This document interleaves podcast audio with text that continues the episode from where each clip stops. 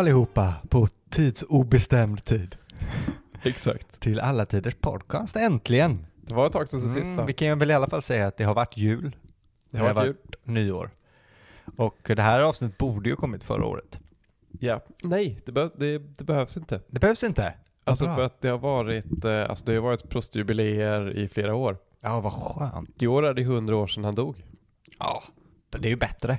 Så, och förra året var det ju 150 år sedan han föddes. Ja, men jag tycker död är, död är ju bättre än födas. Det är inte lika kul kanske va? Nej, men det är ändå mer, ihå, mer att ihågkomma. Och så att, så att eh, vi hade ju tur där, att Ja. vi missade ett jubileum och han med ett annat. Precis. Ja, för du vet, när han föddes hade han ju inte gjort något än. Nej. Så vad är det att fira? Det är med först när han dog han hade gjort sina grejer. Han har inte dött och han kunnat skriva lite mer. Ja, men det är bra nog. Alltså det, ja, bäst är gott nog. Ja, exakt. Det är bara bäst är gott nog för mig. Exakt. Nu har vi redan spoilat vad det här avsnittet kommer handla om. Det kommer handla om eh, Marcel Proust. Ja, det kommer det. Ja, vi är väldigt spända. Jag, jag vet att du är väldigt spänd. Eh, spänd men också eh, haft viss prestationsångest. Mm, jo, för du är ju lite av en expert på ämnet. Vilket gör att det finns mycket mer fallgropar att eh, ramla ner i. Exakt. Jag som lekman känner mig lite mer avslappnad. Jag Allt jag har att säga kommer ju vara bra. Bara för att jag har eh, läst lite. Expert är ju alltid så relativt. Det Jo. finns ju alltid tusen personer som kan väldigt mycket mer än mig så att Ah, säga. Så att, Nej, eh, jag tycker att du är expert. Ja, det är så snällt så att säga. Men jag får hoppas att man får göra um, så gott man kan. Ja, precis. Och det här är ju inget vanligt avsnitt eller för vi spelar faktiskt inte in i våran studio. Nej, vi sitter hemma hos dig Sebastian. Ja, kul tycker jag. Väldigt Slipper trevligt. jag gå hemifrån. Väldigt trevligt faktiskt. Men fortfarande i uh, Göteborg då. Ja, det är tur. Yes. Mm. Ska vi dra igång? Ja, det tycker jag. Men jag tänker så här då. ehm, vi kan väl börja med en av de vanligaste missförstånden. Åh, härligt. Är På spaning efter en tid som flytt en självbiografi? Ska jag, så, eh, jag säger ja, för jag vet att det är fel. Vi kan säga så här. Svaret är inte ja. Oh. Men är inte helt och hållet nej. Nej, just det. En författare till en biografi om Proust, han heter George G. Painter. Han skriver att eh, Proust hittade inte på något, men ändrade allt. Mm, jag förstår. Så det är väl kanske en rimlig liksom, tolkning. Alltså det är en form av bearbetning eller en allegori över Prousts liv. Ja, just det. Men absolut inte någon självbiografi. Nej, man får ju säga att om, om det är så att allting är verkliga saker, så händelser och intryck så har han ju ett extremt gott minne. Och det har han inte. Nej. Vi kommer märka varför det är liksom mer av en allegori. Ja. För att, eh, men vi kan säga en ledtråd är att det handlar ju om liv är ju bara liv. Mm. Litteratur är litteratur. Mm. Snyggt. Snyggt. Eh, Börja starkt. Eller hur? Ja. Men vi kan ju börja så här. Proust han föddes ju 10 juli 1871 Mm, ja. i en Paris-stadsdel som heter Auteuil. Mhm. Under den här Paris-kommunen. Ja, precis. Alltså han föds ju i en av de mest spännande åren i hela Frankrikes historia. Ehm, och Synd att han inte hann uppleva det bara. nej, nej, kanske tur också. Det är ju extra speciellt eftersom äh, hans stora roman handlar framförallt om överklassen och inte till liten del aristokratin. Eftersom äh, det som händer 1871 är ju att det andra kejsardömet faller. Det faller egentligen året innan i kriget mot Preussen. Det är alltså Napoleon den andres kejsardöme. Nej, tredje.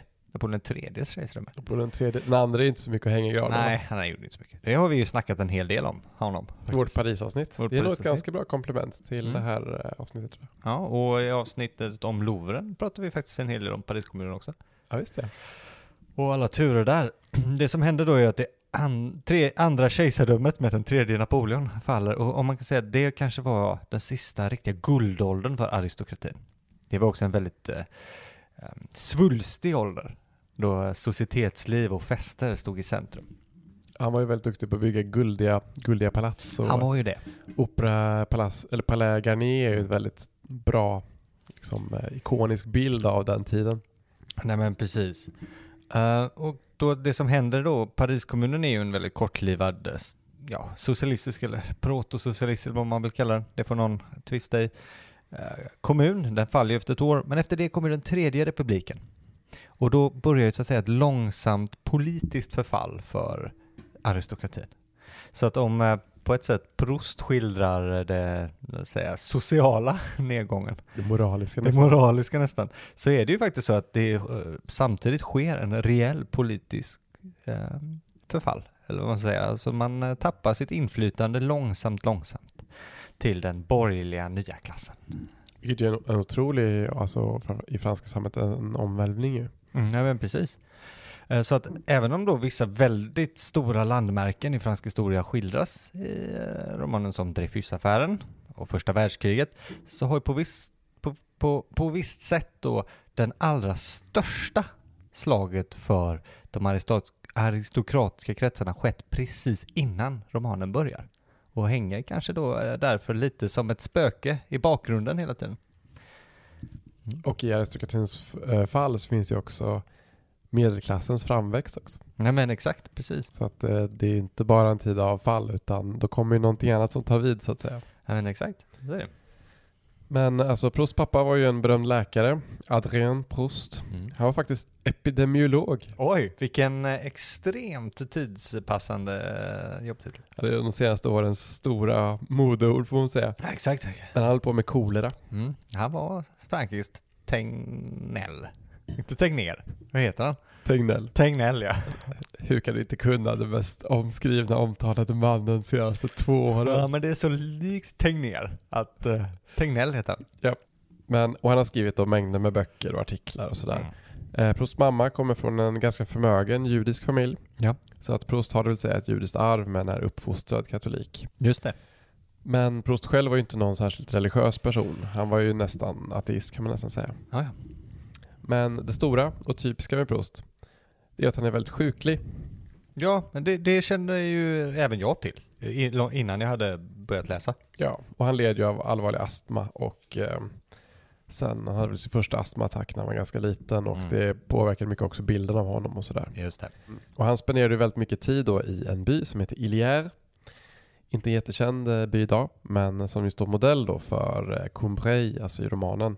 Combray är ju ett påhittat namn. Precis som att Balbec som också är ett påhittat namn, syftar på Cabourg i Normandie. Ja, just Ehm, vi kan ju säga så här då, alltså Proust är ju inte fattig på något sätt. Men han är ju ingen aristokrat på det sättet. Alltså hans familj har ju en viss förmögenhet. Men hans pappa är ju en arbetande person, alltså som blivit ju framstående på ändå sina akademiska meriter kan man ju säga. Mm. Eh, så han tillhör ju någon form av, vad ska man säga, han är ju inte, alltså jag vet inte, är en övre medelklass typ, kan man säga så? Ja, övre medelklass tänker jag mer folk som jobbar på sådär. Köpman. Ja, typ han är väl liksom Lägre lägre, överklass. överklass. kanske. Ja, lägre överklass kanske är lite bättre. Men han är ingen adel och han är ingen aristokrat. Och Proust själv var ju fort- fortfarande tvungen att jobba, alltså skaffa sig en egen karriär. Alltså han kunde inte bara ligga på latsidan som någon slags dekadent adelsman sådär. Nej. Jobbade han någonsin? Sådär. Ja. Kan säga så här, Proust eh, stora talang var ju såklart litteratur. Mm. Just det. Och ehm, tack vare sina talanger då och även vänner från skolan så lyckas han komma in i ganska så fina salonger när han är inte så gammal. Eh, han var ju nära vän med Jacques Bisset till exempel, Georges Bissets eh, son. Okej. Alltså Georges Bisset som har skrivit eh, operan Carmen då. Han dog ju väldigt eh, för tidigt av eh, lungsjukdom. Och eh, Proust är ju en person som vill ta sig in i de här fina salongerna. Det eh, är ju ett, tema, ett av de stora temana i På spaning efter en tid som flytt. Och något som också kommer försvåra publiceringen av första bandet av romanen kommer vi få höra på slutet. Ah, nej. Men vad skulle han jobba med? Han jobbade faktiskt lite på ett bibliotek. Ja, jag hörde att han aldrig gick dit. Nej. Nej. Han var ju för sjuk för att kunna jobba där. Ah, ja, ja, men han var, han, var skriven där. Men det blev liksom inte så mycket av det. Så att, alltså Proust var ju lite den dålige, hopplöse sonen. Ja, nej visst. Och eh, jag har faktiskt tänkt på det när jag var yngre, när jag själv kände mig lite hopplös, att vad sorgligt det var att, liksom, att hans föräldrar och hans så ganska krävande pappa aldrig fick se att han skulle bli Frankrike och världens största författare. Nej, det är lite tråkigt. Liksom, Så fick han liksom, liksom att, att när de dog så var han fortfarande väldigt, ja men så här, den förlorade sonen någonstans. Ja, nej, precis. Men han hade ju en bror i alla fall, Robert, som var väldigt mycket, mycket mer duktig och eh, ordentlig av sig. Som gifte sig och blev läkare som sin far. Han blev urolog och gynekolog. Och var också fältläkare under första världskriget. Och så, alltså en, en vanlig man, så att säga, liksom, i den här tiden. men alltså han jobbade ju på något vis. Han, han skrev ju ofta i litterära tidskrifter. Han hade en kolumn i en tidning som, eh, som då skildrade societeten. Ja. Och inte sällan då alltså vad som hände i salongerna, vilka, liksom, vilka som var där på, på de olika träffarna, vad de hade på sig. Mm. Ja, Just det, sådana tidningar har man ju hört talas om. Precis, jag tror att även om jag inte är helt ute så tror jag även Balzac jobbade med sådana saker. Ja. Alltså att de jobbade med att alltså skildra, så här, men i fredags var det tillställning hos den här damen. De här personerna var där. Grevinnan det här hade en cerise klänning med en sån här foll och sån här band och en sån här hatt typ. Ja. Och eh, man märker ju det att eh, alltså mode och kläder och sånt är finns, är ju, finns det mycket av i På spaning också och det är många som lyfter fram det också. ja nej, det, man, det, det märker man eh, ganska tidigt. Så att han, han, han jobbade ju med det och hade ju ett öga för sånt hela tiden kan man säga. Ehm, men eh, sen skrev han också en del pastischer faktiskt på andra författare i vissa tidningar. Och 1896 så släppte han en novellsamling som heter Le Plaisir Le Jour. Och eh, med en del då tidiga texter och noveller som han hade skrivit. Med, den hade faktiskt ett förord av den stora författaren Anatole France. Men den gick ändå bara okej liksom. kan man Ja. Ja. Och, men efter det så ha- hade han liksom, han inte haft några andra jobb än så, utan det här är det han har jobbat med. Ja. Och ehm, ganska tidigt så började han jobba på en roman som heter Jean Santeuil. Och den har ju publicerats i efterhand då på stumt, men, och det är liksom en form av förstudie till På spaning kan man säga. Ja, jag har hört att vissa delar är med. Ja, precis, i liksom i en lite annan form ibland, alltså lite o- obearbetad form, men mycket av stoffet kan man säga är, är med. Ja, Okej. Så mycket av liksom episoderna finns med, men de är liksom inte ordnade på samma sätt och det är inte alltid de har samma känsla typ. Man säger, liksom. Jag tror att hans föräldrar är mycket grymmare i den till exempel. Mhm. Men han slutade skriva på den efter bara typ två år tror jag. Och, eh, och sen dröjer det liksom nästan tio år tror jag innan han börjar på, på spaning. När han då är 38. Och det som har hänt är att hans, både hans pappa och hans mamma har dött. Han bodde ju hemma tills båda dog. Ja, ja, men det visste jag. Att han aldrig flyttade därifrån. Eller ja, sen kanske. Men, eh, båda, men de lämnade honom ett ganska stort arv. Så han behövde ju liksom inte jobba så mycket heller. Nej, vad skönt. Och de, de sista åren spenderade han liksom i sängen då med att sova och skriva vartannat kan man säga. Ja. Alltså han eh, stängde ju praktiskt taget in sig helt. Jag Han hade korkväggar. Jaha. Eh, För att det, det var ljudblockerande på något sätt. Och så han har ju liksom neddragna rullgardiner. Ja. Alltså, och det sjuka, han följde ingen dygnsrytm. Nej, det känns konstigt. Utan det han gjorde var att han, han sov tills han vaknade Ja. utan att kolla på vad klockan var eller efter något. Och då bad han sin hushållerska att ge honom lite kaffe och typ någon macka. Och så skrev han och så somnade han om. Och så Ja. vaknade han, tog en kopp kaffe, skrev och så somnade han om. Och sen liksom så att han, han följde liksom inga dygnsrytmer. Nej. Nej, det låter, så, det låter lite depressivt. Ja, men den här samtidigt han har ju väldigt mycket arbetskapacitet kan man säga. Jo, det är ju något i alla fall. Men för övrigt så skrev han faktiskt lite som Joyce gjorde. Genom att alltid lägga till. Ja, okej. Så Han han tog- skrev ett, liksom en, en, ett skelett så att säga.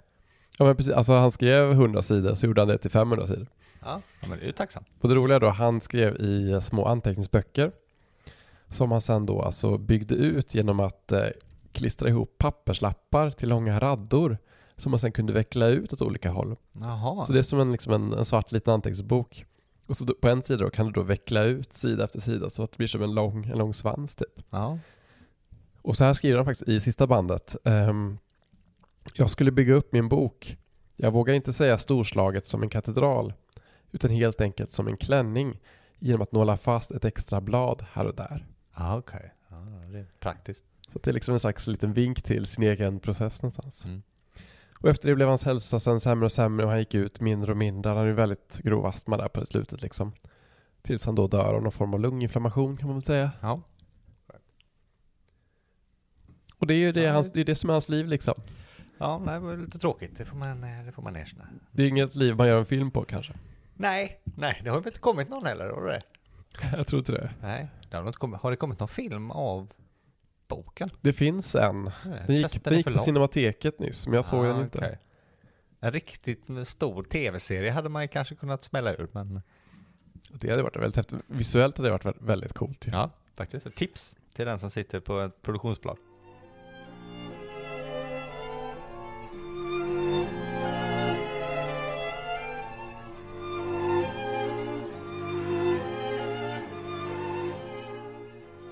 Men vad handlar boken om då?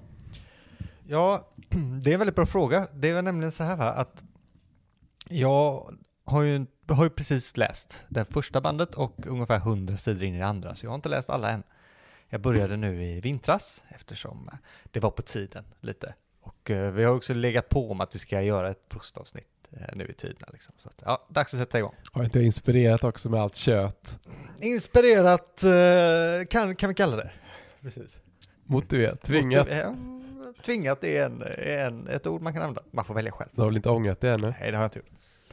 Men det har varit så här att, alltså att läsa Proust har ju, det har ju liksom suttit som på en kulle långt bort som den ultimata läsupplevelsen på något sätt. Eh, det har liksom inte, nästan inte känts som att de är verkliga böcker. Eh, jag har tänkt på det, att det har funnits någonting mystiskt med Proust. Va? För att andra klassiker som, eh, som man känner till, de vet man ju nästan alltid vad de handlar om. På, redan innan. Men det har, man har inte haft en aning om vad det kan ha stått, stått i den här gigantiska samlingen böcker på bokhyllan. Ja, det är svårt att sammanfatta bara sådär liksom. Oliver Twist vet man ju vad det handlar om, det är väldigt tydligt. Liksom. Ja men exakt, så det har ju varit, det har ju varit eh, bara som, en, som ett stort hav. Vad kan, vad kan, kan man ens börja? Hur börjar man? Vilken, hur börjar man den här eh, liksom, enorma seglatsen? Eh, men nu är det gjort då, och till min förvåning så är det faktiskt inte särskilt mystiska böcker. Nej, Nej de det, är, faktiskt, det är väldigt sällan det. Ja, alltså de är verkligen, verkligen extremt verklighetsförankrade, det är ett ord jag skulle använda. Klart. Um, de är liksom hyperfokuserade på så helt vardagliga saker. Det är kanske därför de är så långa också. det kan man Bland annat. Men, uh, och det är så här läskigt nära in på hur exakt hur känslor känns och hur sinnesintryck tar sin form och sånt där. Och om, jag får, får, om man får vara lite uppenbar en sekund och föregå med det som alla, den passage som alla kan, den kändaste av alla passager, Madeleinekakan. Liksom. Så är det ju så att eh, det här, vi kände, det var det enda jag kände till innan jag började läsa boken i princip, att han käkar en madeleinekaka och så händer det något sjukt. Han minns saker. Men när den väl läser det så kan jag säga att det är liksom, det är ju långt från en märkvärdig händelse. Nej. Ehm, även om den då ger upphov till en himla mycket text så är det något väldigt vardagligt, faktiskt något som hände mig bara i veckan till exempel. Eftersom, kan ju varit eftersom jag har läst det här så jag tänkte på det. När jag åkte förbi eh, med pendeltåget, en lokal där jag en gång var på barnkalas. Och då kunde jag ju såklart genast komma ihåg saker som diskolampan lös på golvet, lukten, liksom den här lukten av Vira Blåtira kommer ihåg det läsken som fanns. Det kanske finns fortfarande, men alltså, det var Jag minns bara det på monsterdricka, kommer jag ihåg. Ja, det fanns ett antal sådana här udda läsk liksom, i olika färger. Och chips i plastmuggar och ljudet av chips i plastmuggar. Jag kommer ihåg det. Och såklart musiken och prasselbyxorna som man breakdansade och sådär. Och sådana här saker händer ju hela tiden egentligen. Det gör det. Mm, det som väl är så otroligt eh, är väl att, alltså om handlingen, om jag skulle spekulera lite så här nu, så är ju handlingen är ju nästan, förutom då alla karaktärer som är, det här, sådana här saker. Livet bara är handlingen. Det är det. Mm. Och framförallt då eh, hans liv då på många sätt. Nej, men, exakt. men eh, vi kan ju börja säga, det handlar ju om en pojke. Ja det gör det ju. Och sen en ung man. Mm. Som heter Marcel faktiskt. Ja, som författaren själv. Vilken överraskning. Hans namn nämns bara två gånger faktiskt i alla delar. Ja, okej. Okay. Görs det i första? Nej, jag tror ah. det är första gången typ i tredje kanske. Eller något sånt ah, okay. Men inget efternamn. Till skillnad från författaren har han ju inget judiskt påbrå. Nej, det nämns i alla fall inte. Nej, han har inte det faktiskt. Ehm, och det märker man sen också när, när de kommer in på Dreyfusaffären ah, okay. och antisemitism och sånt där. Ja. Att han inte är en, ehm, ska man säga, en i, en i blickfånget på det sättet. Liksom. Nej, jag förstår. Ehm, berättaren är ju också heterosexuell. Ja, just det. Det, det märkte man ju. Och Marcel Proust var ju homosexuell. Mm. Även om han aldrig var öppen med det. Men eh, hans vänner och familj ska jag veta att det eller åtminstone har misstänkt det. Ja. Han utmanade faktiskt en eh, person på duell en gång efter att ha anklagats för att vara homosexuell eller haft en alldeles för nära relation med en annan man. Jaha. Och, eh, men det var, en, alltså det var ju väldigt mycket dueller på den här tiden. Jo, det är klart. Men båda överlevde så det var inte liksom en sån där, det är väl mest en formalitet kanske på den Nej. tiden. Vet du om det var pistol eller värja? Eh, pistol. Tacksamt val om man- det är mer 50 50-50 liksom känns som. Tror att det var mycket fäktning. Ja, det tror jag. Den sista duellen i Frankrike var väl på 60-talet, tror jag. Den finns filmad med värja. Det var en, en minister mot någon journalist tror jag. eller något sånt där. Men det kräver ju att man kan fäktas. Jag tror Jo. inte, jag tror inte Prost kunde fäktas. Nej, nej men precis, det är väl det jag menar. Det är då det är bra att ta pistolen. Så. Ja, precis. I England får man alltid se sådana här coola källarscener där, de, där man ska så här, go, go fetch Lord uh, Bristol och står alltid och fäktas med någon i en källare typ. Ja, men exakt. Och tar av sig den här hjälmen och är så här brusig i håret och bara Ja. så här, vad vill du? Så är det en ung man som har fäktats precis. Den har man sett i ett, ett antal filmer. Jo då. Men det som är typiskt i alla fall för karaktärerna hos Proust, det är också att de är inte baserade på en person i hans närhet, utan av många personer. Det är det som är liksom det speciella här, att det är ingen nyckelroman så som man tänker att en nyckelroman är, utan de är liksom eh, konde- kondenser, liksom ett konglomerat liksom, av olika personer som han har då tryckt ihop. Typ. Mm. Man vet ju att grevinnan eh, de Guermantes är ju baserat på eh, Comtesse Greffyl, Okej. som det kom ett avsnitt av Stil i P1 nyss om faktiskt. Mm, kul. Och Baron de Chalus är ju baserad på Montesquieu. Berättarens vän eh, Robert de Saint-Loup är ju baserad på Prousts bror Robert. Mm. Och Albertine är baserad eh, delvis på Agostinelli som var Prousts chaufför och sekreterare och älskare. Då har han bytt kön på dem där. Ja, okej. Och Albertine kom ju sen att dö. Sorry for the spoil. Jag visste det faktiskt. Gjorde det? Ja. Men det gjorde ju även Agostinelli också. Jag tror att han dog i en flygolycka. Det kommer inte Albertine göra. Nej, okej. Okay. Tidig flygolycka. Ja. Mm. Men eh, de är, liksom, så de är ju sällan baserade på en person. Liksom. Han tar då ett karaktärsdrag, fraser, maner från olika personer då för att skapa mer liksom, utmejslade och liksom, komplexa personer. Och det är det som är det speciella liksom, i att, um, tänker jag också, hur han skapar litteratur. Det är att man måste liksom bearbeta sitt material. Mm. Det kan inte bara vara, utan livet räcker inte. Nej, Utan liksom en författare måste också göra någonting med det. visst, visst. Det är bara materia. Ja men precis. materialet. Ja. Och det tror jag är en ganska viktig lärdom om man också vill skriva själv. Ah, just det. Man kan inte bara ta det som hände igår. Men du måste omvandla det, bearbeta det för att det ska bli konst. Just det. Livet räcker inte till. Mm. Men liksom Proust är ju själv är ju berättaren sjuklig, astmatisk och känslig. Och han drömmer om att bli en stor författare. Mm. Ja, men det är han ju. Redan eh, än så länge det jag har varit. Men han har ju inget att skriva om. Ah, typiskt. Så att, eh, alltså På spaning efter tidsoflytt är ju en komedi, alltså i den bemärkelse att den slutar lyckligt. Mm. Så det är en form av tillblivelseroman kan man säga, alltså om att växa upp. Och hur Marcel då lär sig om konst och att bli konstnär genom olika liksom, modeller kan man säga. Den har ju väldigt många um, konstnärer i sig. Ja. Vi har ju då den stora författaren då, Bergot. ja, han är med en hel del i början av andra bandet framförallt. Och han är inspirerad av Anatole France då framförallt. Ja. Och eh, sen finns det i andra band så kommer ju målaren Elster som är baserad på Turner och Monet. Och så är det ju eh, kompositören Vinteuil Ja. vars eh, musik åtminstone är eh, baserad på César Franck och eh, Camille Saint-Saëns. Och så är det skådespelaren Just det. som är baserad på Sara Bernhard. Ja. Hon är ju också med snabbt i böckerna. Sara Sarah Bernhard, ja. Hon näm- nämns att hon börjar bli lite ute. Men, men jag tror att hon, att man brukar se Bernard som en, liksom en Ah, ja. variant av henne. Ja, liksom. namnet är ju lite likt också. Ja men precis. Men saken är den, det, det som är speciellt liksom tänker jag är ju att berättaren i alla fall i de tidiga böckerna, han är ju inte klar. Alltså mötena med de här konstnärerna går ut ganska ofta på att de skrattar åt honom och tillrättavisar honom. Så han lär sig vad konst är i konfrontation med dem också. Ja. Och ehm, alltså det finns ett fantastiskt exempel då hur han ser, han ser så mycket fram emot att se Berma uppträda. Ja, ja men det har jag, det har jag varit, varit med där. Ja. I Fedra då är det ju av eh, Racine. Hon är ju då den här tidens främsta skådespelare. Alla pratar om henne och han ser så mycket fram emot att se henne. Men när han väl får se henne så fattar han inte. Nej, nej exakt. Han tycker inte att hon gör något särskilt. Nej.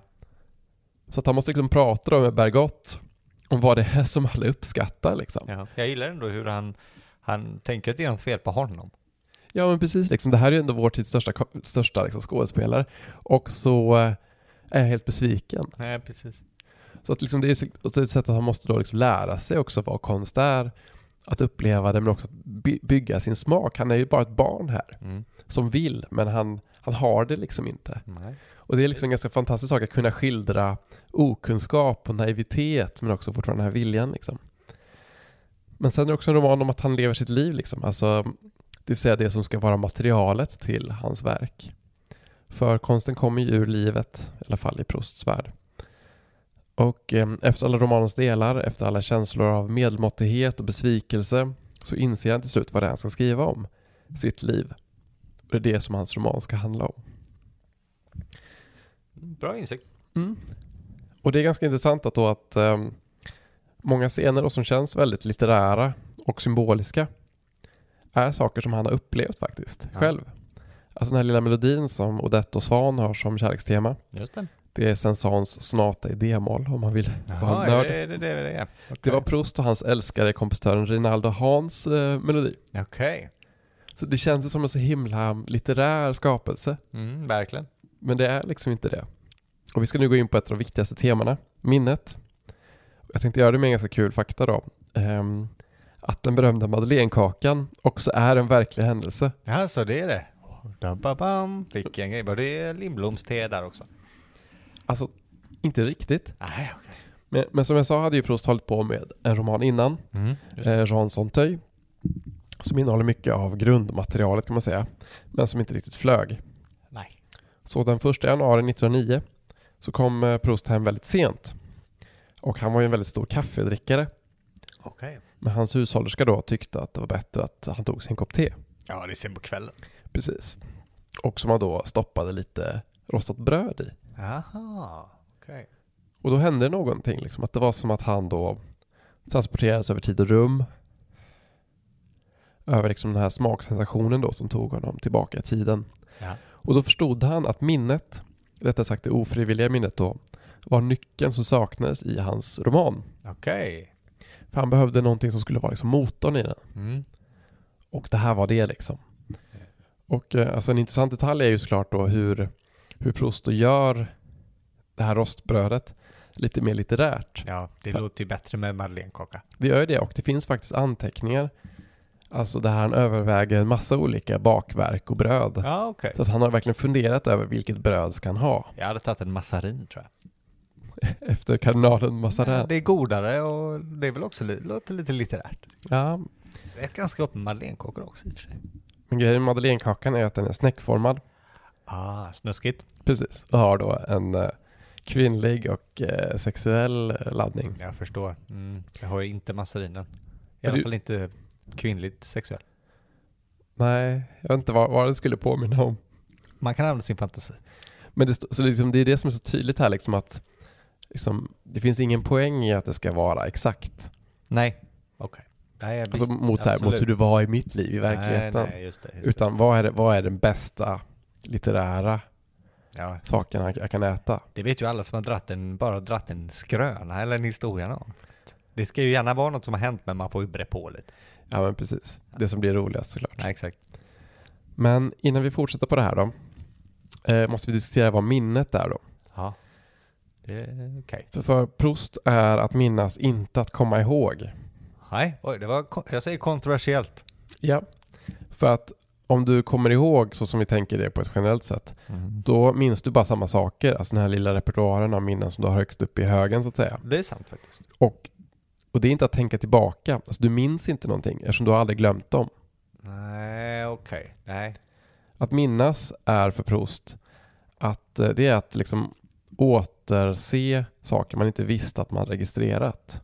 Nej. Saker du inte vet att du inte kommer ihåg längre.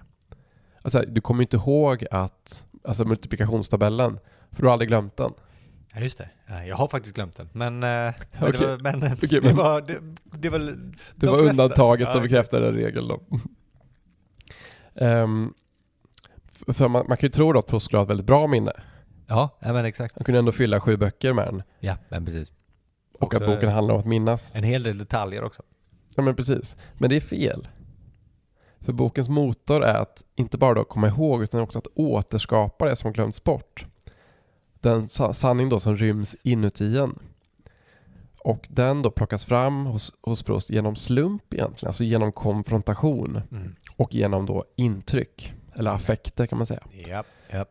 Och Madeleinekakan är en sån sak, något som då konfronterar honom och väcker något bortglömt till liv. Men det är bara en av egentligen massor sådana scener i På spaning. Det är liksom det är de här, händelserna som är romanens liksom form, det Ja. som fortsätter berättelsen. Men eh, den första är väldigt viktig eftersom det är den som tar honom till Ilière då och Just därigenom till Svan som är alltså, lite av ett alter ego och en mentor för honom. Ja. Men också hela centrum för romanen egentligen. För det är Svan som är kopplingen till familjen Germ- Germant. Mm. Det är han som är kopplingen till Gilbert. Det är han som är kopplingen till Balbec. På det viset Albertine. Det är han som är kopplingen till Bergot, till Odette. Alltså Sva- Svan är liksom alltings gemensamma nämnare någonstans. Men är det inte lite redan innan, Madeleinekakan är ungefär sida 50, 50 beroende på utgåva, men ungefär sida 50. Redan i början så är det ju det att han inte kan sova och då är det ju det här med mamman som kommer upp och ska, i- i- som, som han vill ha en kyss från och Swan är där och därför får han inte det. Redan innan det så har han ju så- så- som börjat egentligen. Han är ju med redan från början. Ja men precis. Och alltså, jag vet ju att folk har ju så här skojat om att eh, hur kan, hur kan liksom en bok börja med 20 sidor om att han ligger och sover? Ja. Men alltså, ehm, de första 20 sidorna är så bra. För de, alltså, de lägger ut egentligen hela, alltså hela rumtid liksom, och hela handlingen. För det som händer är ju att, alltså, jag, jag har upplevt det här själv, alltså Ja, att om okej. du, du ligger i sängen och blundar Ja. och för en sekund så vet du inte var du, alltså i vilken säng du är i, var det, vilket rum du är i. Nej, nej, inte för att jag har haft något amoröst Nej. utan så här, att så här bara, att man, du kan få den här känslan av att så här, som att så här, är jag i mitt pojkrum nu typ? Just det. Ja men det, absolut, absolut. Typ att du, du vet liksom inte vilken sida du ska gå av sängen på. Nej. Det är närbesläktat en känsla jag har haft väldigt många gånger när jag kommit hem från krogen. Framförallt har jag varit ute riktigt sent. Och är inte så full att jag liksom, du vet, att det snurrar, utan sådär gött. Då kan jag ha känslan av att jag är i sängen, men kvar på krogen. Jaha. Som att jag ligger i sängen och alla andra liksom dansar omkring mig. Och jag kan prata med folk. Och det är inte saker som händer då, utan det är nya saker. Det låter väldigt jobbigt i och för sig. Ja, nej, det är lite svårt att somna då. Det, det är inte riktigt samma sak, men det är besläktat. Men, liksom, men jag har i alla fall haft den och det, för att i början där, det- det handlar liksom om de olika rummen. Mm. Och om, du, om man fortsätter läsa så handlar väldigt mycket av böckerna om de olika rummen. Alltså det är hans Parislägenhet, Ja. det är i Balbec, Mm. det är i Ilière, alltså de här olika rummen som man är i. Och där skildras de då som tidsliga och rum. Okej. Så att liksom, och han pratar om vinterns rum och sommarens rum. Att liksom det är liksom olika, det är liksom hela romanens liksom setting Ja. som då sätts i att, att han då minns, alltså han, för den, den, är alltså den börjar ju i, eh, i nutid. Ja, nej men det gör det ju precis. Och att han då ligger och blundar och inte vet var det är någonstans. Nej. Och det är där han är liksom desillusionerad i sitt minne och i historien någonstans. Liksom, är han i Balbec? Är han i Ilière? Liksom? Mm. Och att det är, liksom, det är, så det är väldigt viktiga tematiska som man inte ska, man ska inte skynda förbi dem för att han ligger bara och vrider sig utan de är jätte, jättespännande Ja. för också hela liksom, ark, alltså arkitekturen för hela romanen. Liksom. Ja, visst. Men förutom Madeleinekakan så kan vi nämna alla de andra olika scenerna som kommer. Det är klocktornen i Martinville som Mhm. man hör slå. Okej. Han känner doften av en pissoar på Champs-Élysées. Ja, det kan, det kan, det är en väldigt stark känsla slash lukt, så det, det Ja. kan man ju tänka sig. Verkligen. Han ser tre träd nära Balbec. Han Ja. ser en hagtornshäck nära Balbec. Mhm. Han böjer sig ner för att snöra skon. Ja. Känner en viss närvaro där. Eh, kullerstenar på gården till Hotell Germant. Ljudet av en sked mot en tallrik. Han torkar sig med en servett. Han hör ljudet från eh, vattenledningsrör. Och sen är det den sista stora händelsen, som är också den allra viktigaste, som är sista boken när han hittar en viss bok från sin barndom i Germants bibliotek. Okej. Och det är en bok som man tar upp i, i bokens början, alltså i första boken. Oj. Som man då redan har läst. Då. Ja, ja, jag förstår. Och som då binder samman början och slutet. Ah, ja. För det är i den här boken då som man inser slutligen vad det är han ska skriva om, liksom, att det är sitt liv. Ja. Så att, men det som kännetecknar alla de här scenerna är att de är ganska vardagliga. Alltså en servett och lite träd och sånt där. Verkligen. Att det, liksom, det kan triggas igång av vad som helst. Just den här listan kommer från Samuel Becketts förresten, en Proustbok. Och det finns kanske ytterligare fler liksom. Ja. För att alla, alla liksom ehm, utvecklas inte heller. För det som, ehm, det som är så speciellt med de här scenerna är ju att de är väldigt, väldigt starka. Ja, nej, visst. Jag tänker att jag ska läsa också vad det är han Mm. upplever faktiskt under den här, alltså efter madeleinekakan. Ja, bra idé.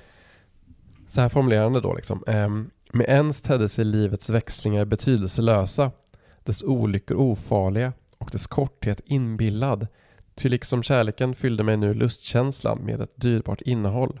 Eller rättare sagt, detta innehåll uppfylldes mig icke, jag var det.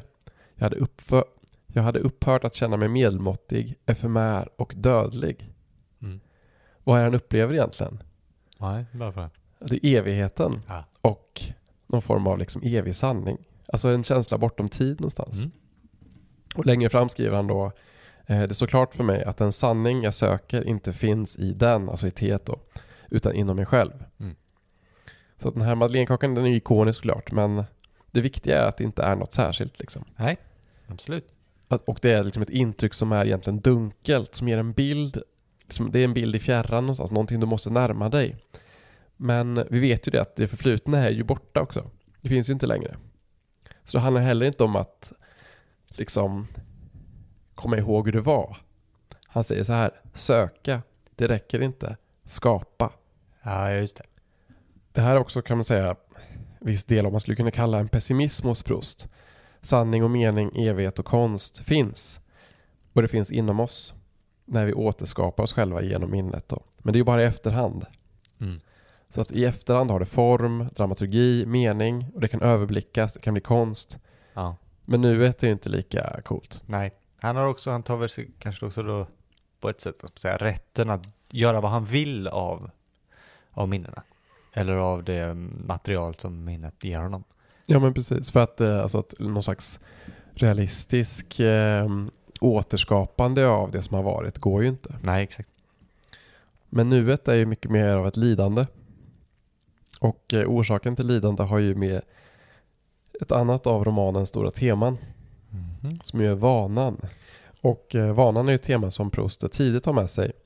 Alltså i en novell då som heter Världsligheten skriver han eh, Augustin hade satt sin lit till ledan men han hade inte räknat med en makt vilken om den bara först får tillräcklig näring av fåfängan besegrar både ledan och föraktet, till och med tråkigheten och det är vanans makt. ja. Så att liksom, det fanns redan i hans tidiga noveller liksom, de här ämnena ja. som han var intresserad av. Liksom. Vanan är ju en trygghet, Mm. att leva en vana, att andas en vana. Ja. Vanan är automatisk, Jo, ja. du tänker inte utan följer bara med. Men när vanor bryts så händer någonting. Precis som de här ofrivilliga minnen så konfronteras du av något som tvingar dig att reagera och tänka. Mm. Och eh, det här brytandet av vanor är också den stora orsaken till lidande hos Proust. Ja, det är väldigt jobbigt att bryta en vana. Det är det verkligen. Det är det verkligen. Och ständigt i romanen får vi följa det lidande som uppstår när han ska resa och byta rum och liksom byta miljö och vilken känsla av förvirring och desillusion som det skänker honom. Mm. Han hatar ju verkligen det. Jo, det kan man ju förstå också bara av den lilla biografin man fått, att han är en person som eh, gillar sin trygghet. Han är en grundad person får man Ja. säga. Och, ehm, och hans analys av vanan är också alltså, kanske den allra mest smärtsamma insikten i På spaning. Okej. Och det är ju att kärlek också enligt Proust bara är en vana. Nej. Jo. Ja, det är taskigt. För det första så älskar du aldrig en person. Nej, Proust är ju här en djup pessimist, verkligen. vilket tåls att understrykas, alltså redan från början. Så att eh, så här står det också i novellen eh, Världsligheten då. Den platonska kärleken är verkligen inte mycket värd. Av det följande ska vi se att hon något senare kunde konstatera att den sinnliga kärleken var värd ännu mindre. Aj, aj. Ja. Men det som, det som vi tycker om är enligt, äh, enligt Proust ett kluster av associationer. Mm. Ser man till känslorna så är kärleken, som jag redan sagt allt för ofta för att behöva upprepa det, många gång ingenting annat än associationen mellan bilden av en ung flicka som annars skulle ha förefallit odräglig Mhm. och den hjärtklappning som hänger samman med en ändlös väntan som dessutom är förgäves och med ett spratt som den unga damen spelat oss. Ja. Det är bara förväntan och attraktion. Ja, visst. Ja, det är ju klart, det påverkar en ganska starkt. Men alltså det som, det som det betyder då egentligen är att varje person är liksom en värld kan man säga av olika komponenter som man associerar den till. Ja. Och alltså Gilberto som är hans första kärlek, hon associeras ju hela romanen med Svan, Jo, såklart. men också de skära hagtornsblommorna som omgärdar henne första gången han ser henne. Mm. Mm. Han återkommer ju alltid till hagtornsblommorna i samband med Gilbert. Ja.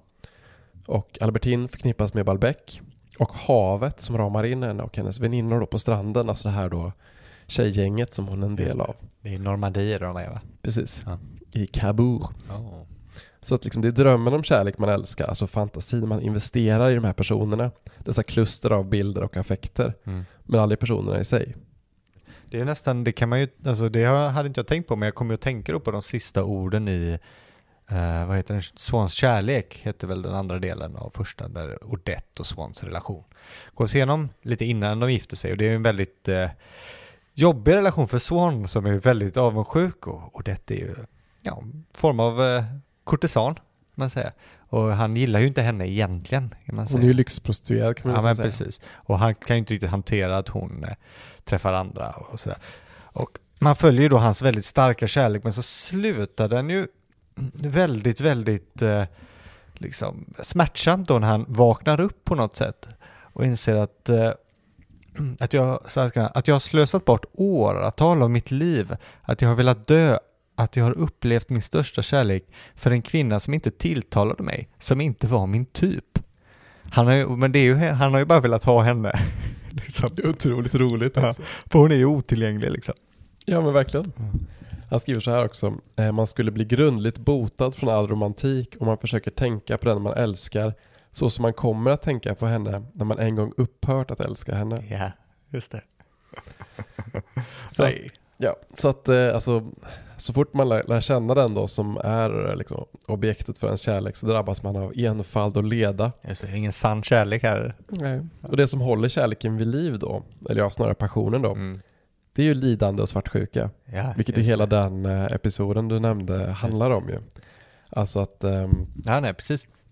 jag tror han skriver också, jag, jaha, ehm, den älskade är en det onda, en läkemedel som upphäver och förvärrar det onda. Ja. Och att älska någon är att vilja äga någon och kontrollera någon. Han skriver då så här, till att äga det man älskar är en glädje högre än själva kärleken. Och det som döljer detta ägande för alla andra gör det oftast bara av fruktan för att föremålet för deras kärlek ska tagas ifrån dem. Mm. Och deras lycka minskas genom denna försiktighet. Aha. Ja, nej, visst. Och denna, liksom, denna då passion och lidande bygger på liksom en drömbild man har av den personen. Ja. Alltså en drömbild som alltid kommer att konfronteras med en banal verklighet. Ja. Det här är också ett kul citat. Ehm, De människor vi älskar är bärare av en viss dröm som vi inte alltid kan urskilja, men som vi sträcker oss efter. Och det här gäller ju egentligen hos, eh, allt hos Proust. Alltså han, han ser ju fram emot att se Berma uppträda. Ja. Han blir besviken. Mm. Han ser fram emot att se kyrkan i Balbec. Ja. Blir besviken. Mm. För att ingenting går ju upp mot fantasin. Nej, nej det, är väl, det är väl lite sant men. Lidandet är ju äkta och kärleken är också äkta. Ja. Men allt sker ju i ditt huvud, liksom i din fantasi. Mm. Och Jo, det som håller den vid liv är ju vanan. Du är van att älska någon, därför fortsätter du med det. Mhm. Och du vill fortsätta ha din vana kvar. Ja. För det är för smärtsamt att bryta den. Det, tar, det tar hårt åt här men eh, visst, vi säger det. Men det som är det allra mest smärtsamma som av allt tänker jag, det är ju att tiden läker alla sår. Ja, ja just det. Ja. Efter att de du älskar dör, alltså berättar hans mormor då, hans älskare Albertin, Mm. så är han förkrossad. Tills att han inte är det längre. Nej, just det. För det är vanan som är jobbig att bryta. Alltså vanan att älska de här personerna, Mm. vanan att kunna höra, höra av sig till dem och vara Precis. med dem. Men tiden går, du etablerar nya och du kommer att glömma allting som du har känt. Ja, för nya vanor. Och det är den hemska verkligheten. Ja, absolut.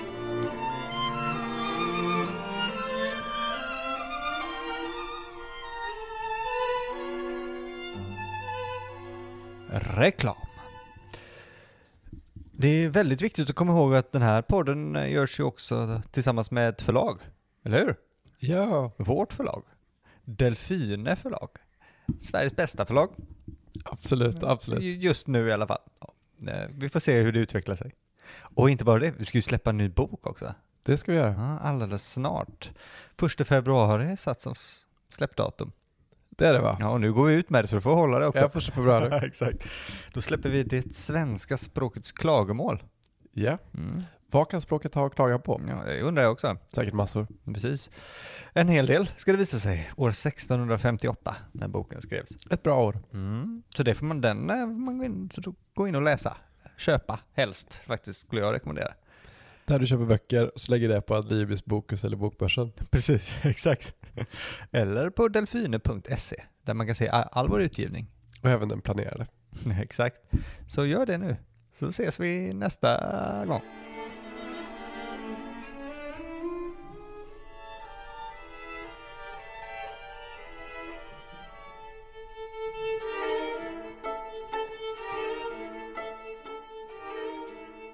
Men då, varför vanan är så viktig? Det är för att vanan är som ett liv i sig kan man säga, den vi är. För det första är ju människan hos Proust splittrad. Och där är ju va- Svan det första, bästa, perfekta exemplet. I bok ett. Alltså hur olik han är för alla.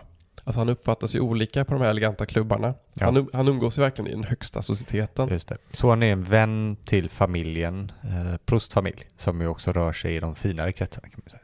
Precis, och berättarens familj typ skojar ju bara med honom typ och så här, de tror liksom inte på att han umg- umgås med prinsessor och det ju. liksom diplomater och eh, Precis, de ser ju ner på honom lite eh, faktiskt. jag tycker han är en fjant typ. Ja. Och eh, men också skiljer hur han själv kommer att uppfatta honom då som vuxen när han lär känna honom. Och eh, det betyder att vi har liksom multipla personligheter, alltså att eh, jag tror han skriver att eh, men inte ens själva ytskiktet av vårt jag utgör en materiellt konstituerad enhet som ter sig lika för alla människor och som var och en helt enkelt kan ta del av som av en kontrakt eller ett testamente. Vår sociala personlighet är en skapelse av andras tankar. ja. Det det ju.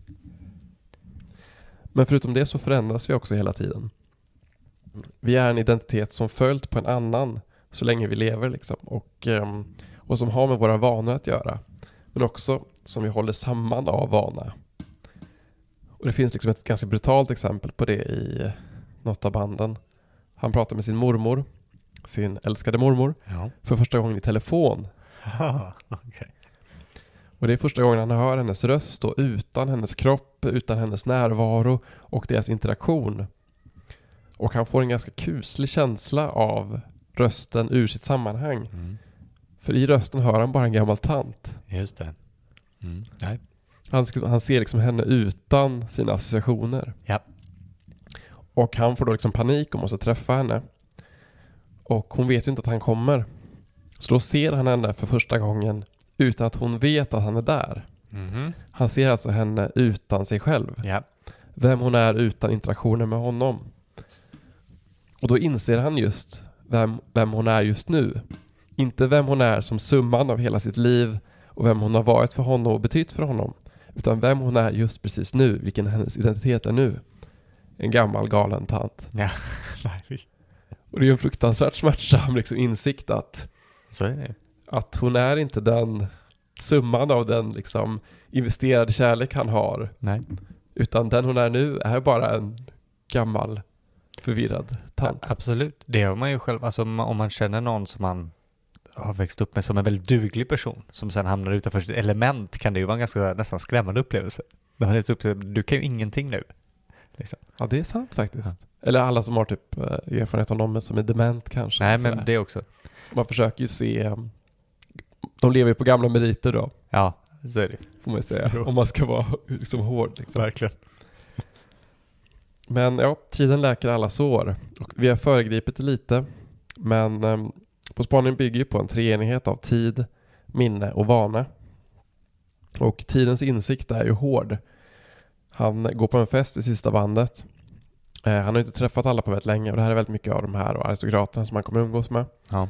Och ehm, hans första intryck är att alla har masker på sig. Mhm. De är liksom vita och har liksom mörka hål runt ögonen och sånt där. Ja.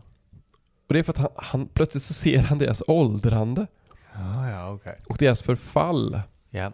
Och att alla där har liksom förlorat allting. Sin magi, sin lyster, Mm. det som, han, det som gjorde att han ville komma in i de här salongerna. Liksom. Nej. Han ser bara gamla förfallna människor deformerade av tid och dekadens. Mm. Och det är ganska liksom, det är en väldigt otrolig scen faktiskt. Um, som också för oss in på då ett av de andra viktiga temana, vilket ju är just förfallet av aristokratin som du har pratat om. Ja, exakt. Och det temat eh, slår sig tydligt fast redan i första boken. Och som man kanske minns från hans biografi då, alltså en fascination för och en fascination för den här magin då kopplad till adeln. Just det. Ja, redan i eh, Combray där, alltså den här byn han är liten, så har han ju vägen till Garmans då. Den är ju magisk nästan. Ja men precis, alltså det är väldigt häftigt det där liksom, för det är, det är två promenadvägar Mm. som man kallar då Garmantshållet och Meseglishållet eller Svanshåll. Vilket är de två promenadvägarna som finns i Combray och eh, Svanshåll är den kulturella borgerlighetens väg. Ja. För de här, de här vägarna har ju två liksom symboler mot sig. Ja, Liksom. precis. Det är ju intressant att det är både fysiska vägar och Ja men verkligen, det är väldigt häftigt. andliga vägar eller något sånt. Och den kännetecknas ju av Gilbert och, Mm. och hennes blåa ögon, färgen blå generellt, hagtornsbuskar. Och han beskriver den som ouppnåelig. Mm. Men, och Germanshållet kännetecknas av färgen gul. Ja. Men den är inte ouppnåelig utan den är knappt ens verklig. Nej. Den- Jag tror den beskrivs som, ehm, eh, som tillhörande idévärlden. Okej. Och liksom kännetecknas ju av liksom medeltida, nästan legendariska karaktärer som då Gilbert den grymme och sånt där. Mm. Och, ehm, och det här är ju de första böckernas uppbyggnad då, att bok 1 och 2 utspelar sig ju i Svans värld. Första boken heter Mm. ju Aqua de Swan, alltså Ja. åt Svans håll. Den heter ju Svans värld på, på svensk, eh, nej, i den svenska versionen, liksom, översättningen. Precis, så första två böckerna handlar liksom om borgerligheten. Ja. Och eh, handlar framförallt om Svan och Odette. Mm. Och bok tre heter ju Kring Germant. Ja. Och, och den handlar ju då, och fjärde boken handlar, heter Sodom och Gomorra. ja. Det är- låter ju, låter ju säga, ödesmättat. Så band tre och fyra handlar då om aristokratin. Så Ja. det är väldigt tydligt uppdelat också, den här Mhm. resan Mm. som han gör. Just det. Från, från borgerligheten in till aristokratin. I fjärde bandet skriver han så här då. ehm, Dumheten dominerar i societeten i ännu högre grad än fåfängan. Ja. Det tror jag, det är ju en allmän spaning så att säga i litteratur och många, alltså att den övre medelklassen då, nu kanske inte han är just det, men har ju gärna en väldigt upplyft bild av aristokratin. Men de, sen inser de att de kan ju ingenting. Alltså de är ju inte bildade. Nej, de är ju verkligen inte det. De gillar ju sådär, och det är ju som spaningen om kungahuset där, de gillar ju bara att skjuta liksom, och köra snabba bilar. Precis. Ja. Men sen bor de i sådana här 70-talspalats och har Nej, så här eh, jättefina möbler och jättefina kläder och Ja. jättefin konst på väggarna som Ja, de inte precis. vet vad det är. Nej, nej men exakt. För Proust eh, personligen så bröts faktiskt förtrollningen eh, runt aristokratin under Dreyfusaffären Mm, just det.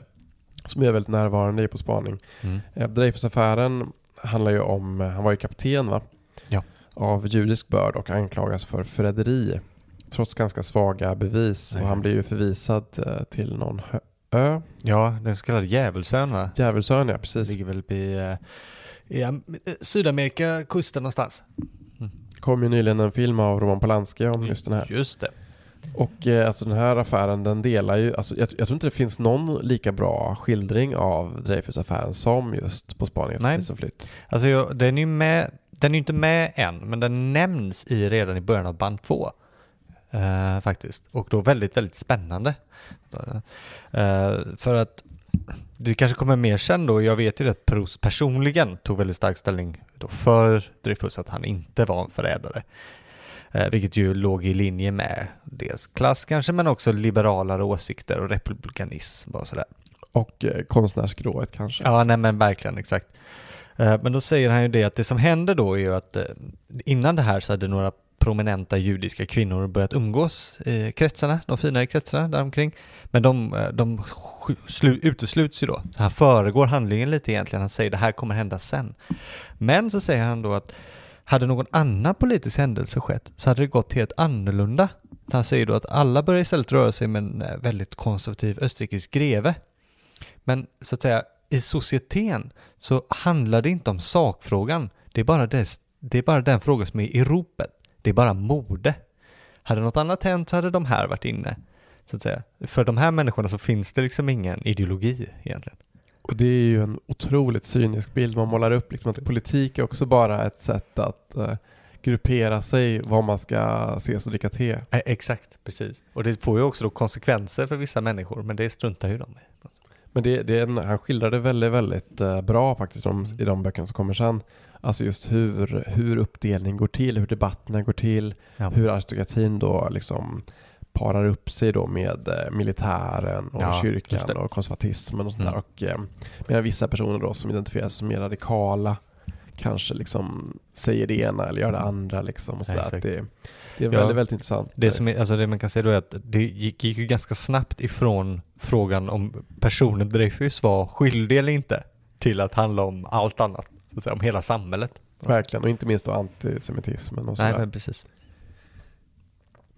Och ehm, ja men så den aristokrati då som Proust då associerar då till medeltida familjer, hjältar, gotiska Mm. katedraler, vackra namn och byar som bär deras namn. Mm. Det visar sig bara vara fåfänga, tomhet och liksom pås. Ja. Och det finns ingen högre poesi i aristokratin.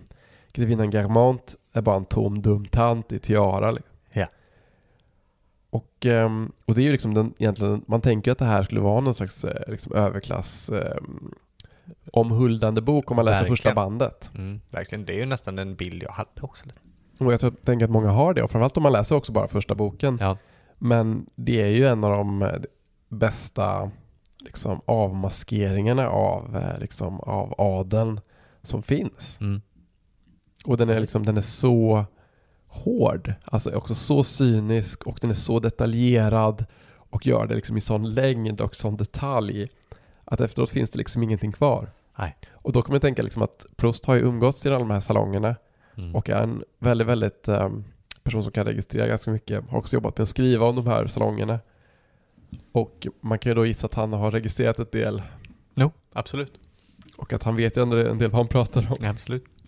Men också, dessutom upptäcker han att, att aristokratin, framförallt då baron Charlus, men också grevinnans man, är djupt dekadenta. Ah, De är Ja. homosexuella, det hade man ju kunnat gissa redan innan. de är sadistiska, Ja. gillar att bli piskade, Mhm, de är tappade. Det är klart. Och bandet heter talande nog Sodom och Gomorra. Ja. Han hade kanske inte, äh, jag vet inte om Marcus de Sade fanns utgiven då i Frankrike. Men, eh, Ja, det är fan frågan. den som har lyssnat på den här podden är ju inte förvånad. Nej, precis. Jo, men fan. Jag vet att ehm, 120 dagar i Sodom var ju inte utgiven. Nej. Men de andra måste ha varit det. De andra var nog det, ja. De var inte översatta till engelska. Nej. Jag vet ju att, eh, sä- vi sa säkert det i förra avsnittet, men jag tror att ehm, Samuel Beckett fick ju förfrågan att översätta 120 dagar i Sodom Ja, okej. till engelska från Ja. franska. Men eh, av någon, han var sugen, Mm. men, men han kanske tänkte att det skulle ge lite, eh, lite stänk till hans namn. Det finns en risk för det, ja. Så han tackade nej. Mm, nej. Men detta hintas faktiskt redan i första boken faktiskt också. För han ser ju Madame Germont i kyrkan, i Ja. hennes kyrka, Ja, ja. alltså i, i byn som har hennes namn. Mm. Och det är kyrkfönster med hennes förfäder liksom. Mm. Kapell med hennes namn. Och han tror att han ska se liksom en gud eller en sagofigur. Men så har hon en vårta i ansiktet. ja. Jo. Han kan liksom inte fatta det. Nej. Men besvikelsen kommer ju inte förrän senare liksom, när han lär sig att se. Alltså se igenom all dekor. Mm. att det inte finns någonting bakom och, ehm, och där skildrar han ju då också aristokratins fall, alltså hur de tappat sin ställning, sin relevans och liksom dess existensberättigande. Nej, visst. Det är väldigt bra. Man tänker att idag hade någon åkt till Dubai eller någonting. Och bara så här, gått runt ett hörn och bara sett det här var ju skitskitet ju. Den romanen hade jag kunnat tänka mig att läsa det faktiskt. känns spännande. Mm. Men i alla fall, det finns hopp. Mm. Det här är ju en roman som slutar Ja, lyckligt. just det, det sa du. Det får vi inte glömma. Nej. Hoppet är ju konst. Ah, skönt. Det är det sista steget i den resa som berättaren gjort och i vilken Mm. han lärt sig att se och genomskåda aristokratin, se kärleken för vad det är Ja. och inse var paradiset finns. Mm. Och de enda paradisen är de ju förlorade paradisen. Ja. Och de går att återfinna eller snarare återskapa. I minnet och inuti sig själv. Härligt. Fint. Sen skriver han i eh, kring Germont. ehm, som handlar om, om konstnärens roll då. Ja. För att nå ett sådant erkännande använder den originella konstnären samma metod som en ögonläkare. Mhm. Behandlingen med hans måleri eller hans prosa är inte alltid trevlig. När den är slutförd säger läkaren Se nu omkring. Och plötsligt står världen, som inte skapats en enda gång, men lika ofta som en originell konstnär har uppstått, framför en. Helt olikt den värld man varit van vid, Mm. men fullkomligt klar. Visst, det är fint. Att litteraturen kan ju liksom få en att se på nytt och det är också det som är dess roll på ett vis. Och eh, livet för Proust är ju också ett inre liv. Han skriver ju att eh, av alla de liv vi lever parallellt som är rikast på händelser är ju intellektets liv. Han skriver också så här medellivslängden eller den relativa livskraften som eh, han skriver det i Skuggan av vackra flickor och blom. Den är betydligt högre för poetiska intryck än för kärlekssorger. Mhm. Okej. Ja. Så att det sanna livet, alltså det som då som äntligen blivit upptäckt och belyst och därför är det enda man verkligen lever, är ju litteraturen. Ah, ja. Ah, ja, ja, visst. Det är väl en bra slutsats. Absolut, absolut. Ja. Så vi har pratat om madeleinekakan, att det är liksom yttre saker som sätter igång tankarna och minnet. Ja. Men det absolut bästa är ju såklart att läsa. ja, ja, det är klart. För böcker är ju sanningens speglar. Men inte för att de innehåller sanningen själv, Nej. utan snillet hos Proust då består i förmågan att spegla. Mhm. Och eh, Proust sitter det vill säga kanske själv på svaret på varför alla älskar hans böcker. Mhm. ja. och varför det är det största som någonsin skrivits. Det är ju för att när man läser på spaning så läser man sig själv. Ah. Han skriver så här då i sista bandet. "Eh, Författarens verk är bara ett slags optiskt instrument som erbjuds läsaren för att hjälpa honom att urskilja det som han utan denna bok kanske inte skulle ha sett hos sig själv. Så böcker är speglar i vilka man kan se dolda sidor hos oss själva. Mhm. Och um, den hjälper oss att liksom rannsaka oss själva och upptäcka det som vi inte kan upptäcka. Det är liksom, det är madeleinekakan Ja. för Ja, ja, oss, för för, oss är vårt inre liv. För vi behöver, alltså, det, det, här, det finns en filosof som heter Lös som har precis plockat upp det här. Ah, ja. Att tänkande handlar om att avkoda tecken. Vi Mhm. måste konfronteras med saker som vi tänker, som tvingar oss att tänka liksom. Mm. Vi kan inte bara sitta och tänka. Nej. Utan vi Nej, nej. tänker kring när saker träffar oss liksom. Och då att en läsare då hos sig själv känner igen det som boken säger. Det är ju beviset för att boken är sann då. Ja, tacksamt. Så att, ehm, ja, väldigt mycket citat. Men det här är ett fint citat tycker jag också ur det som kallas om läsning. Har ju pu- Den har ju publicerats separat och är hans förord till Sesame and Lilies av John Ruskin. Ah, ja, okej. som han översatte och där Mm. säger han så här då, ska vi se. Ur en ren ensamhet kan det tröga intellektet inte hämta någonting. Emedan det saknar förmåga att själv sätta igång sin skapande verksamhet. Men det mest upphöjda samtal eller de mest enträgna råd skulle inte heller tjäna något till emedan det inte skulle kunna direkt framkalla denna egna skapande verksamhet. Det som alltså behövs är ett ingrepp som samtidigt som det kommer från någon annan uppstår längst inne i oss själva. Visst handlar det om en impuls från ett annat intellekt, men en impuls som tas emot i ensamhet. Ja. Och det är ju en bok. Det är en bok, ja. Mm. Mm. Ja. Nej, det låter fint tycker jag. Så att, eh, känns det lite klarare? Mm. Jag, eh, jag får se, jag tror det. Jag får se om jag håller med. det, det, om, jag- eller, om jag får se om jag känner igen det snarare när jag har kommit igenom eh, resten av banden. Men delar av det absolut. Ja, det är ju väldigt, eh, det är det eftersom den är skriven så nära in på tankar och känslor så är det klart man känner igen stora delar av det. Det gör man ju absolut. Mm, alltså eh, barnförälskelse, på säga, alltså ung förälskelse. Till exempel där han blir kär i Gilbert i början. Det, det är klart man har liksom. Det är väldigt, eh, väldigt träffande hur ungefär exakt det, det kändes.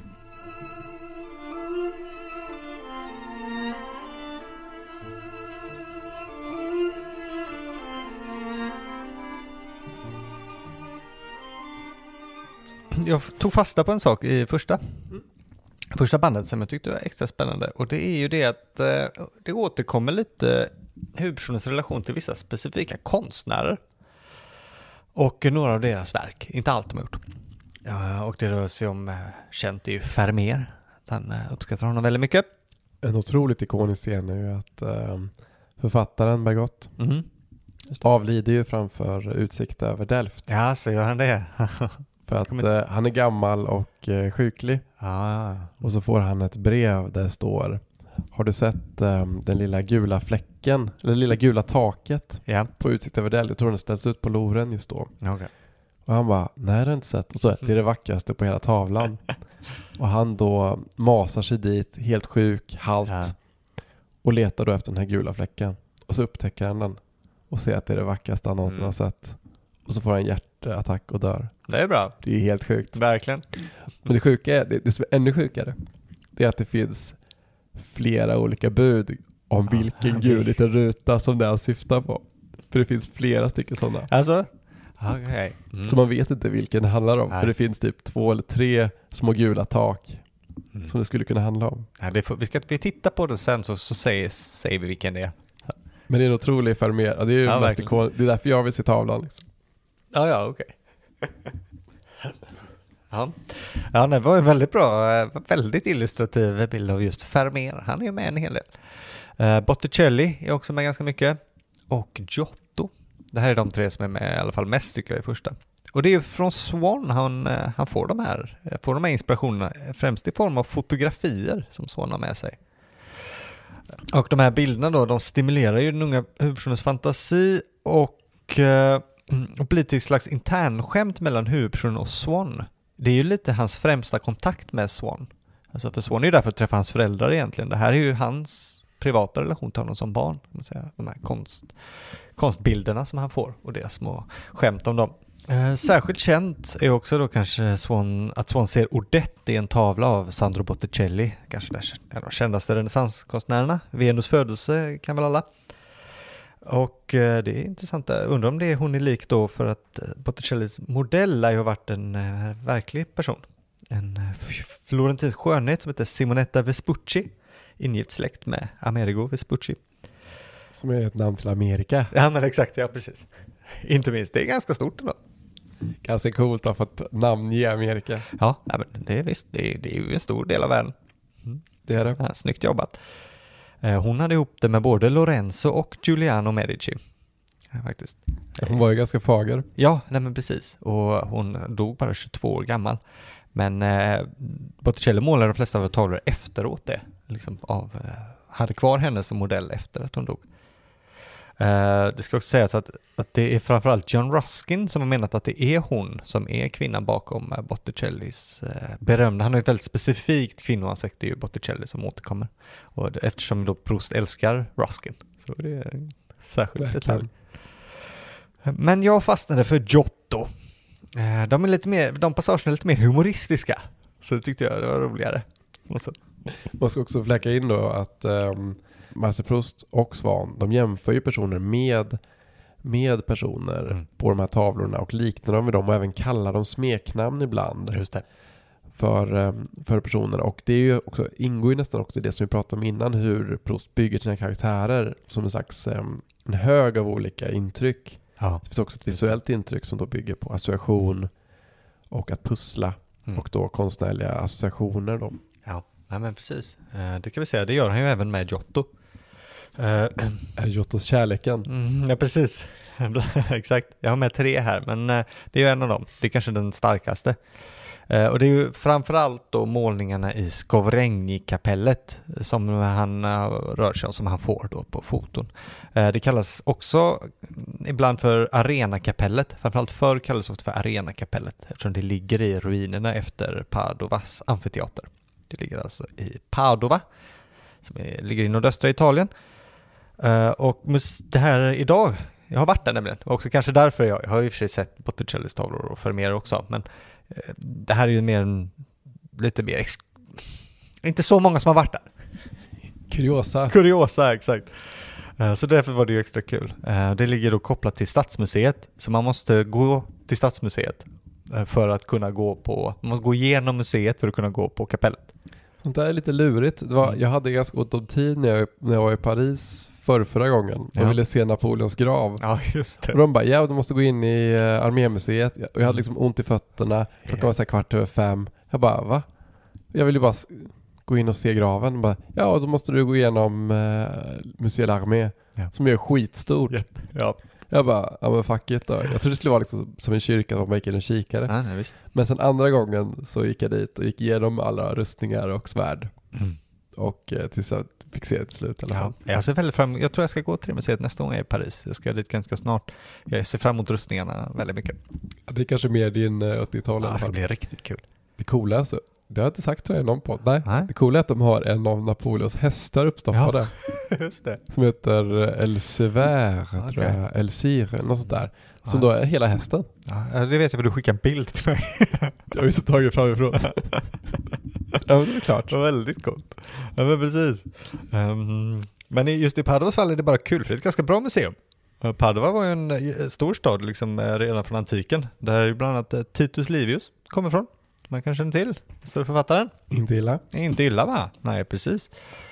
Och vi har ju också pratat här i vårt Petrarca-avsnitt om att Padova var där den allra första renässansen började. Redan innan Florens. Inte illa det heller. Nej, så att eh, Padova kan man åka till faktiskt. Eh, och det här kapellet då, Skovregni-kapellet, lite jobbigt att uttala. Det byggdes ungefär år 1300 då åt en bankirfamilj som hette Skovregni. Och de sparade inte på stålarna då och anställde Giotto, han var redan berömd då. Så de visste vad de fick, de ville ha det allra bästa. Eh, till att måla väggarna. Eh, mm, och det här är väl hans kändaste målningar, förutom med Francis, San Franciscus-grejen i Assisi. Eh, och det är många bilder som Giotto har målat. Igen, det är hela Nya Testamentet, eller- evangelien i alla fall, och, och med pingst liksom, i en följetong. Så det är rejält med, med, med bilder. Och sen är det en sista dom på ena väggen, som det ofta är. Och sen är det ju de som då eh, Proust fokuserar mest på, och det är längst ner på väggarna, så i ögonhöjd med en själv. Där har vi dygderna och lasterna. Så vi har lasterna, det var det till exempel ilska och avundsjuka och dumhet. Och dygderna som måttfullhet, tro och rättvisa och så vidare. De är sju var. Det är då det här kända då att han ser en person i sin närhet och det är ju en illa åtgången kökspiga. Som han tycker är så lik Giottos caritas. Det betyder kärlek eller givmildhet beroende på tolkningen. Det betyder egentligen kärlek men ofta översätter man det med givmildhet. Liksom. Eh, och eh, Proust säger då att hon har samma puffiga och manhaftiga utseende som, som många av Giottos dygder, men framförallt Caritas. Hon är liksom svälld på något sätt, precis som hon är. Eh, och fotot då har han fått på Swan, det hänger på hans rum i Combray, eh, hänger det fotot.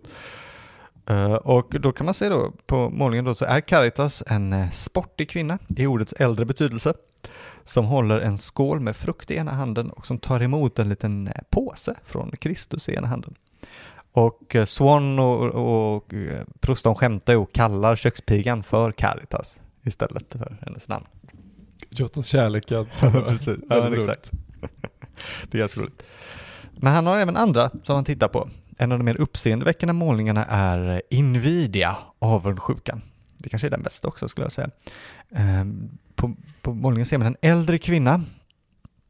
Sen även hon, hon håller en påse i en hand. Eh, hon är dock blind och med andra handen så håller hon ut den som för att treva sig framåt. Eh, Runt hennes fötter brinner en eld och ur hennes mun kommer en orm som liksom vänder sig om för att bita henne själv i ansiktet.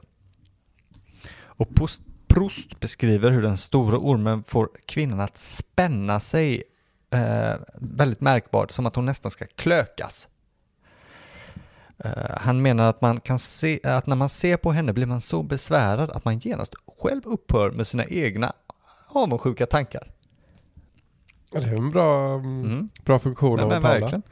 Eh, Hon har också jättestora öron, glömde jag nämna. Det passar ju man är avundsjuk själv. Man vill ju höra allting. Mm. Men Proust är som barn inte imponerad egentligen av de här bilderna. Eh, Han, han nämner bland annat då att rättvisan har samma stela och manliga utseende som vissa kyrktanter i Combray som han inte gillar. Kul. Ja. Ehm, så att han och han, även eh, avundsjukan, alltså han beskriver inte det här positivt då, även om han själv slutar, utan det är, han nästan äcklas av bilderna. De är ju inte särskilt vackra egentligen, vilket är väl hans problem. Senare, han beskriver redan här då hur han senare börjar uppskatta dem, eftersom de har en praktisk nära in på livet kunskap bakom sig. De är inte riktiga allegorier eller arketyper, utan de är verkligen kötsliga. Eh, Giotto blir alltså lite som Proust själv. Han beskriver livet som det är. Eh, det är, det är liksom, det är fullt och det är fysiskt och verkligt. Och hans dygder och laster, de är inga symboler, de är inte symboliska dygder och laster, utan, utan han beskriver att hur det, de beskriver hur det känns att vara avundsjuk. Det är det han målar. Eller att rättvisan kanske har en bister uppsyn. Um, så att han, han har visat eget det kroppsliga bakom begreppen, hur det känns i kroppen när man utför en dygd eller när man utför en last. Det, ja, det då gillar han det. Ja, men så här, det är, ja, precis, när man läser en sånt i en roman, då börjar man ju tänka, hmm, handlar det inte här om romanen? Nej, men precis. Och inte bara om Jotte. Och det är ju precis som, som de här två vägarna, eller mm. madeleinekakan, det är ju symboler på något sätt. Just det. Men de är ju mer verkliga ja. än att de känns som symboler. man behöver inte läsa det på det sättet, men de har ju dimensioner. Mm. Precis som att det här är ju lasterna liksom. De är ju liksom ideal, inte idealbilder, men de är ju ändå någon form av idealbilder. Ja. Men också riktiga människor. Nej men exakt, precis. Och det här då till exempel att ormen kommer ur munnen. Det är, han fäster ju då vikt på hur, hur det spänner sig i hela kroppen på något sätt. Och det är ju den fysiska känslan av att vara avundsjuk. På något sätt.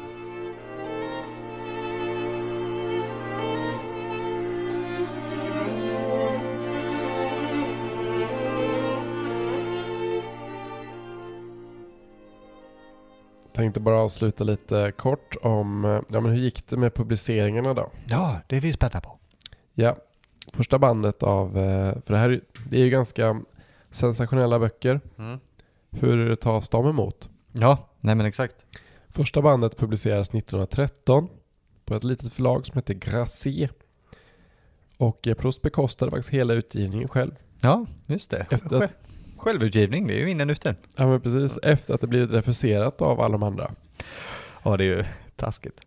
Och väldigt berömt är ju att 1947 eh, års nobelpristagare André Gide, mm. han jobbade ju på La Nouvelle Revue Française som refuserade då alltså. Han skrev så här, vi publicerar seriösa böcker. Det är inte på fråga att vi skulle släppa något skrivet av en fashionabel dandy. Nej. Ja. Det förlaget bytte sedan namn till Gallimard förresten, ah, 1961. Så där. Man har lite koll på det. Ja, precis. Men man ska eh, se vad dåligt. Man ska inte förut, ha förutfattade meningar. Nej, men Proust hade is i magen. Så att han gav ut den själv och eh, visste att det här var en litterär sensation. Det är ganska sjukt ibland när man läser den här, en biografi om honom som jag har läst, att eh, hur, hur han tar det med sånt gott mod. Det är som ja. att så här, han vet. Han vet hur bra det här är Nej, och hur stort det här är. Och André Gide, han kallade i efterhand då den här refuseringen för det största misstag förlaget någonsin gjorde. Mm. Det sa han redan året efter. Just det. Eh, och att han då i efterhand inte kunnat sluta läsa romanen. Nej, de, han ska ju ha skrivit till Proust väl? Ja, precis. Ja. De gav ju sen ut resterande delar också. Mm. Eh, de sista tre gavs ut eh, på stumt också. Ja, okay. ja, just det. Men eh, Proust tror ju inte att Giddens läste manuset. Nej, det står så här i den svenska utgåvan, på, man läser på sida 63 min, min pocketversion här. Eh, så läser man lite så här och så står det här. Hon lät eh, mig kyssa sina sorgsna, bleka och fadda panna över vilken hon vid denna tidiga timme inte ännu hade arrangerat sina löslockar och där kotorna, och där ser man en liten fotnot. Så tittar man, vad står det där? Då står det så här. Originalet har vertebré, eller vad man nu vill uttala det. Gide hängde upp sig på detta ord när han som lektör förstrött bläddrade i Prousts debutroman, roman, vilket ledde till att Gallimard refuserade den. Kul att de skriver så, för det hette ju inte Gallimard då. Nej, nej precis. Det är Men väl jag... Gunnar Wallqvist antar jag som har eh, fört in den lilla... Nej då, jag ska inte prata skit om henne. men, men det roliga här är ju att Alltså, Gide hade ju mött Proust ung i de här salongerna. Ja. Och trodde ju att han var en snobb, alltså en mondän amatör. Ja, just det. Mm. Och eh, det var han väl kanske också. Och han umgicks ju, han ville ju komma in i de här salongerna. Yep. Han kanske var lite inställsam. Säkert. Men han kunde ju inte veta vilken otroligt inre resa som Proust hade gjort. Nej, just det. Och vem man skulle bli liksom. Och eh, sen gick det bra 1919 så fick ju Proust Frankrikes mest prestigefyllda litteraturpris, Hugo Goncourt-priset, mm. för eh, sin andra del. 1919 kom ju det och det var ju en ganska stor grej faktiskt att den här boken fick det. För att det hade precis varit första världskriget. Ja, just det, det är klart. Så det var väldigt många i, i, ehm, i akademin som tyckte att det skulle gå till en eh, riktig mm, pangroman om kriget och eh, heroism och Frankrike och patrioter. Ja men precis. Och så kommer en bok om eh, att hänga på stranden i Normandie på slutet på 1800-talet. Ja. Mm. Men han vann i alla fall. Ja. Och, ehm, och sen, sen var framgången ett faktum faktiskt. Så skönt. Kom han ur sin eh, skrivstuga, eller vad ska jag säga, sitt mörka rum? Nej nej, Nej. det är ju många delar kvar. Det har ju bara två romaner. Han Så- satt kvar då. Ja. Han kanske var hemma då i och för sig, men han, det har jag faktiskt inte sagt, men han var ju en otrolig eh, tidningsläsare. Det sägs Ja, att han okej. läste sju dagstidningar. ja, det är många. Så att, eh, men bara tre år senare dog han. Han dog ju 1922, eh, 100 år sedan idag, Ja, i år, och eh, 1919 fick han det här priset. Och det han gjorde då var ju att skriva klart de sista delarna. Och som ju är faktiskt betydligt kortare. Så jag tror nog att man, man kan nog räkna med att om man hade fått leva några år till så hade nog de sista delarna varit lite längre än vad de är idag. Just det. För att eh, jag tror att han hade ganska mycket av synopsisen klar. Med att han fyllde ut och fyllde ut och fyllde ut och fyllde ut liksom. Exakt. Och han hade nog kunnat fylla ut de sista också en del kan man ju tänka sig. Säkert. Men hans bror då hjälpte till att ge ut de sista och det är vi väldigt glada för. Ja, det är väl fortfarande, om man räknar alla tillsammans, världens längsta roman. Ja, det låter väl rimligt. Har jag hört på någon eh, podd jag lyssnade på inför det här. Det var en rejäl genomgång. Det har det. Det är också en rejäl bok, så det passade väl sig. Men det finns ju såklart jättemycket mer man hade kunnat ta upp Nej, såklart. men precis. Man kan ju gå hem nu, eh, om man inte redan är där, och eh, börja läsa. Om man har den i bokhyllan. Och så kan man ju eh, säga sen vad man, vad man tyckte. Någonting som jag i alla fall har lärt mig det är att det som folk pratar väldigt mycket om, Mm. det som är hypat, Ja. man ska ha respekt för någonting. Läs det man vill, ta det bara. Ja. Alltså här, det finns liksom ingen, alltså här, konst som är hypad, böcker som är snackade, det är bara att ta dem. Ja, det är ju lite med den här som är Ulysses. Eh, och som väl jag hoppas att jag sa då också, vilken är en sån man värjer sig för länge. Det är inte så jobbigt. Lyssna på den som säger det tar, det tar ett år att läsa den första boken. Nej, det tar inte ett år. Läs bara. Det är ett ord i taget, det är trevligt. Ja men verkligen. Ja, tog mig en, eh, en, en, en och en halv månad kanske och jag läser ju, jag slö, läser ju på kvällen. Jag somnar ju ibland liksom. Nej, men alltså klart att inga böcker som det pratas så mycket om, de kan nästan inte vara dåliga. Nej, För att alltså för de som pratar om den här boken och sådana här böcker, det är ju folk som älskar dem. Nej men precis. Ja så är det. Jag tror inte jag har hört någon eh, negativt. Men jag tror det. Det finns ju många som inte känner sig liksom släkt med dem. Alltså som inte Nej, känner att det här är en del av mig. Det är ju nog inte jag heller. Dels är det kanske för att jag är liksom är, jag vet inte, många läser dem när man är 20 kanske eller däromkring. Som väl du gjorde. Jag är ju 30, mer än 30.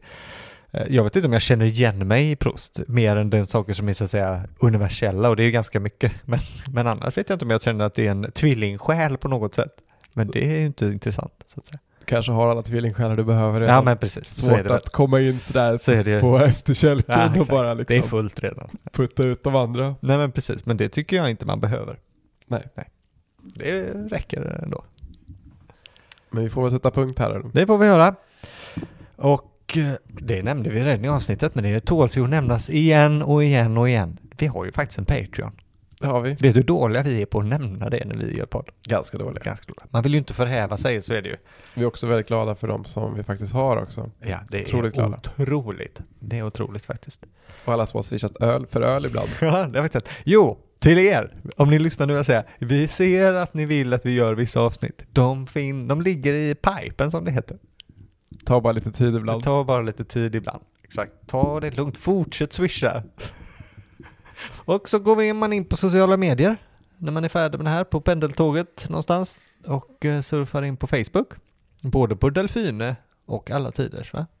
Och såklart på Instagram. Alla Tiders Insta, det måste man ju vara om man lyssnar på den här podden. Det finns ju också väldigt mycket bildmaterial till de här böckerna. Ja, eh, exakt. Det kommer, det kommer man se där.